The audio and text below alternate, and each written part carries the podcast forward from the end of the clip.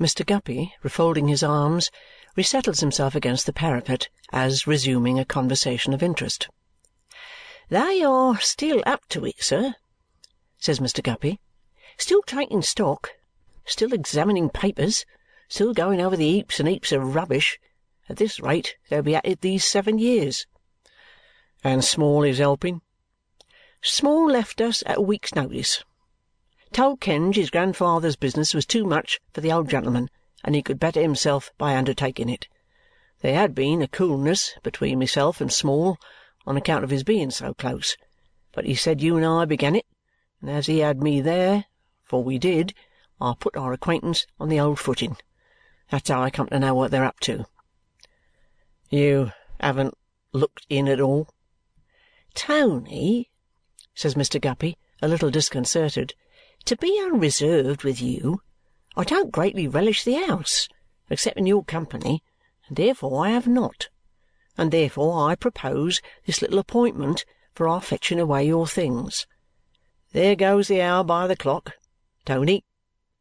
Mr. Guppy becomes mysteriously and tenderly eloquent it is necessary that I should impress upon your mind once more that circumstances over which I have no control have made a melancholy alteration in my most cherished plans and in that unrequited image which I formerly mentioned to you as a friend. That image is shattered, and that idol is laid low. My only wish now, in connexion with the objects which I had an idea of carrying out in the court with your aid as a friend, is to let let 'em alone and bury bury 'em in oblivion. Do you think it possible? Do you think it at all likely? I'll put it to you, Tony, as a friend. From your knowledge of that capricious and deep old character who fell a prey to the uh, spontaneous element, do you, Tony, think it at all likely that on second thoughts you put those letters away anywhere after you saw him alive? And that they were not destroyed that night?" Mr. Weevle reflects for some time, shakes his head, decidedly thinks not. "Tony," says Mr. Guppy as they walk towards the court, "once again understand me as a friend. Without entering into further explanations, I may repeat that the idol is down. I have no purpose to serve now but burial in oblivion. To that I have pledged myself. I owe it to myself, and I owe it to the shattered image, as also to the circumstances over which I have no control. If you was to express to me, by a gesture, by a wink, that you saw lying anywhere in your late lodgings any papers that so much as looked like the papers in question, I would pitch them into the fire, sir, on my own responsibility." Mr. Weevle nods. Mr. Guppy, much elevated in his own opinion by having delivered these observations with an air in part forensic and in part romantic, this gentleman having a passion for conducting anything in the form of an examination or delivering anything in the form of a summing up or a speech, accompanies his friend with dignity to the court. Never, since it has been a court, has it had such a Fortunatus purse of gossip as in the proceedings at the rag and bottle shop. Regularly every morning at eight is the elder Mr. Smallweed brought down to the corner and carried in, accompanied by Mrs. Smallweed, Judy, and Bart, and regularly, all day, do they all remain there until nine at night, solaced by gipsy dinners, not abundant in quantity, from the cook's shop, rummaging and searching, digging, delving, and diving among the treasures of the late lamented. What those treasures are they keep so secret that the court is maddened in its delirium it imagines guineas pouring out of teapots, crown pieces overflowing punch bowls, old chairs and mattresses stuffed with Bank of England notes.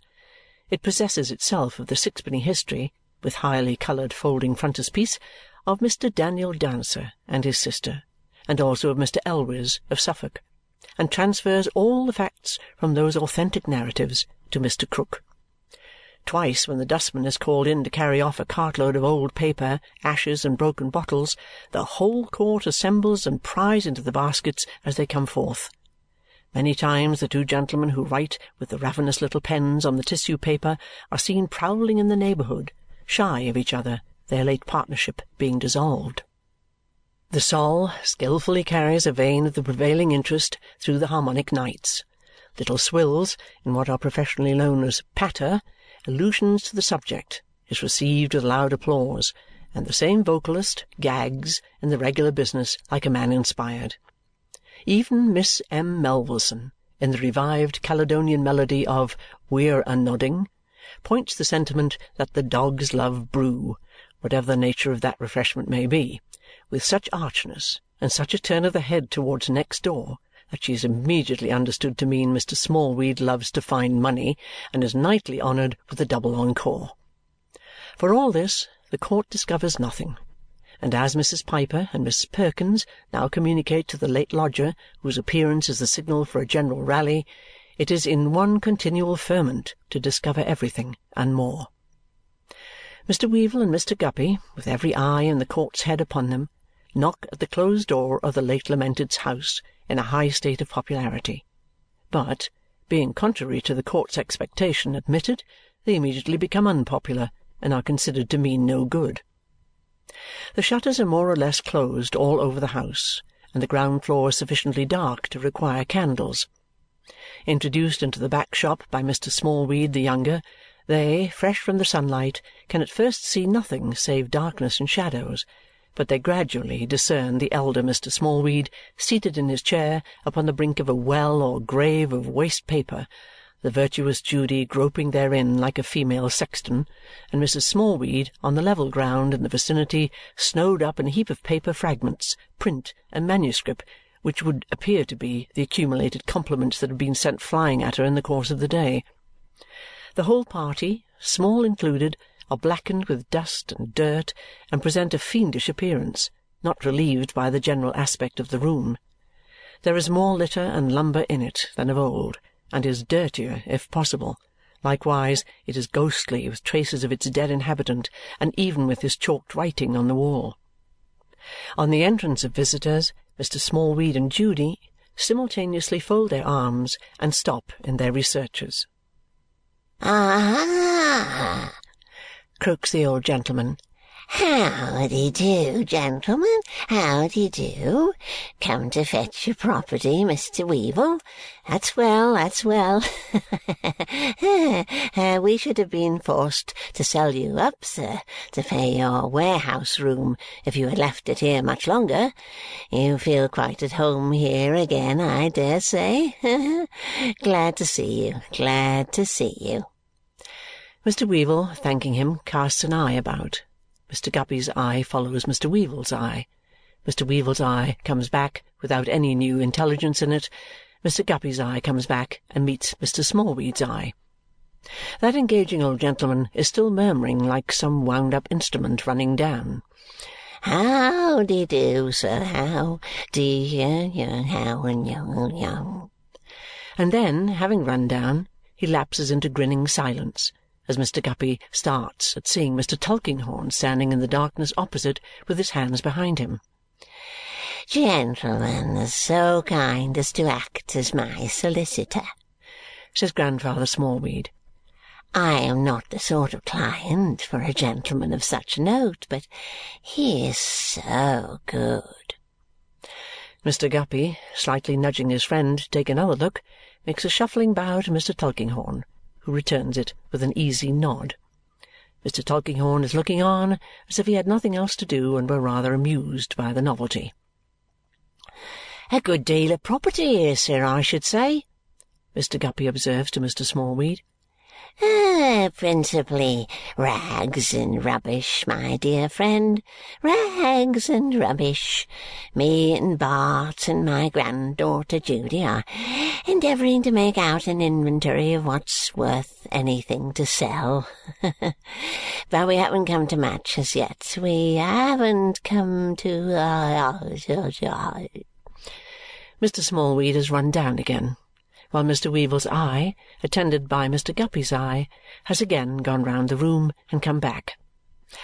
"Well, sir," says Mr. Weevle, "we won't intrude any longer if you'll allow us to go upstairs."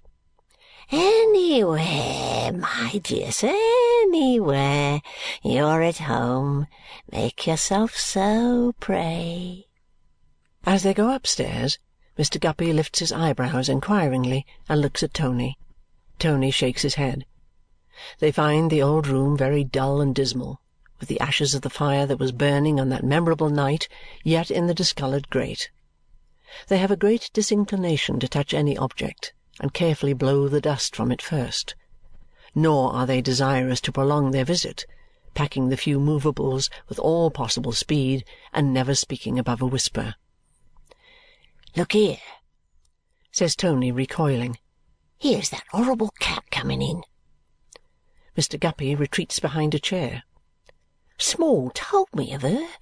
She went leaping and bounding and tearing about that night like a dragon, and got out on the housetop, and roamed about up there for a fortnight, and then came tumbling down the chimney, very thin. Did you ever see such a brute? Looks as if she knew all about it, doesn't she? Almost looks as if she was Krook. Shoo! Shoo! Get out, you goblin!" Lady Jane, in the doorway, with her tiger snarl from ear to ear and her club of a tail, shows no intention of obeying.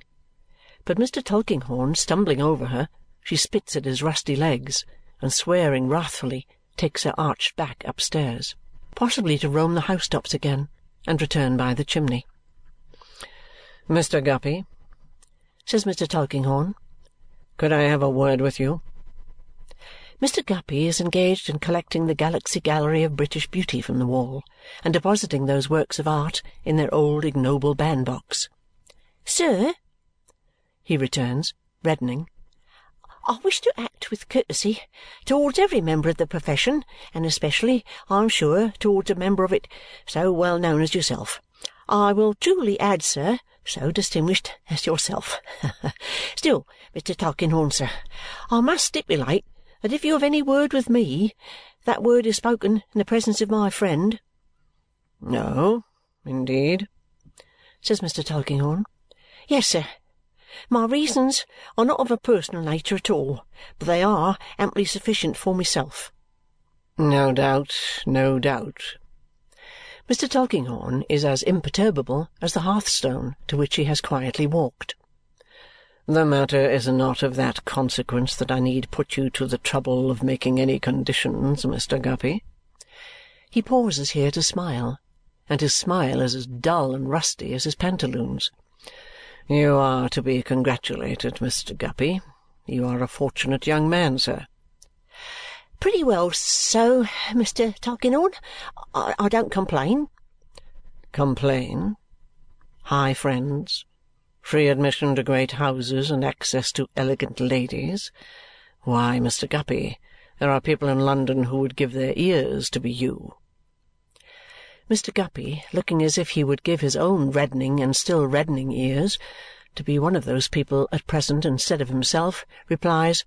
Sir, if I attend to my profession and do what is right by Kenge and Carboy, my friends and acquaintances are of no consequence to them nor to any member of the profession, not excepting Mr. Tulkinghorn of the Fields. I am not under any obligation to explain myself further, and with all respect for you, sir, and without offence I repeat, without offence Oh, certainly. I don't intend to do it. Quite so says Mr. Tulkinghorn with a calm nod. "Very good. I see by these portraits that you take a strong interest in the fashionable great, sir." He addresses this to the astounded Tony, who admits the soft impeachment. "A virtue in which few Englishmen are deficient," observes Mr. Tulkinghorn. He has been standing on the hearthstone with his back to the smoked chimney-piece and now turns round with his glasses to his eyes. Who is this? Lady Dedlock. Ha! A very good likeness in its way, but it wants force of character. Good day to you, gentlemen. Good day. When he has walked out, Mr. Guppy, in a great perspiration, nerves himself to the hasty completion of the taking down of the Galaxy Gallery, concluding with Lady Dedlock. "Tony!" He says hurriedly to his astonished companion. "Let us be quick in putting the things together and in getting out of this place. it were in vain longer to conceal from you, Tony, that between myself and one of the members of a swan-like aristocracy whom I now hold in my hand, there has been undivulged communication and association. The time might have been when I might have revealed it to you. It never will be more. It is due alike to the oath I have taken, alike to the shattered idol, and alike to circumstances over which I have no control, that the whole should be buried in oblivion. I charge you as a friend, by the interest you have ever testified in the fashionable intelligence, and by any little advances with which I may have been able to accommodate you, so to bury it without a word of inquiry." This charge Mr. Guppy delivers in a state little short of forensic lunacy, while his friend shows a dazed mind in his whole head of hair and even in his cultivated whiskers.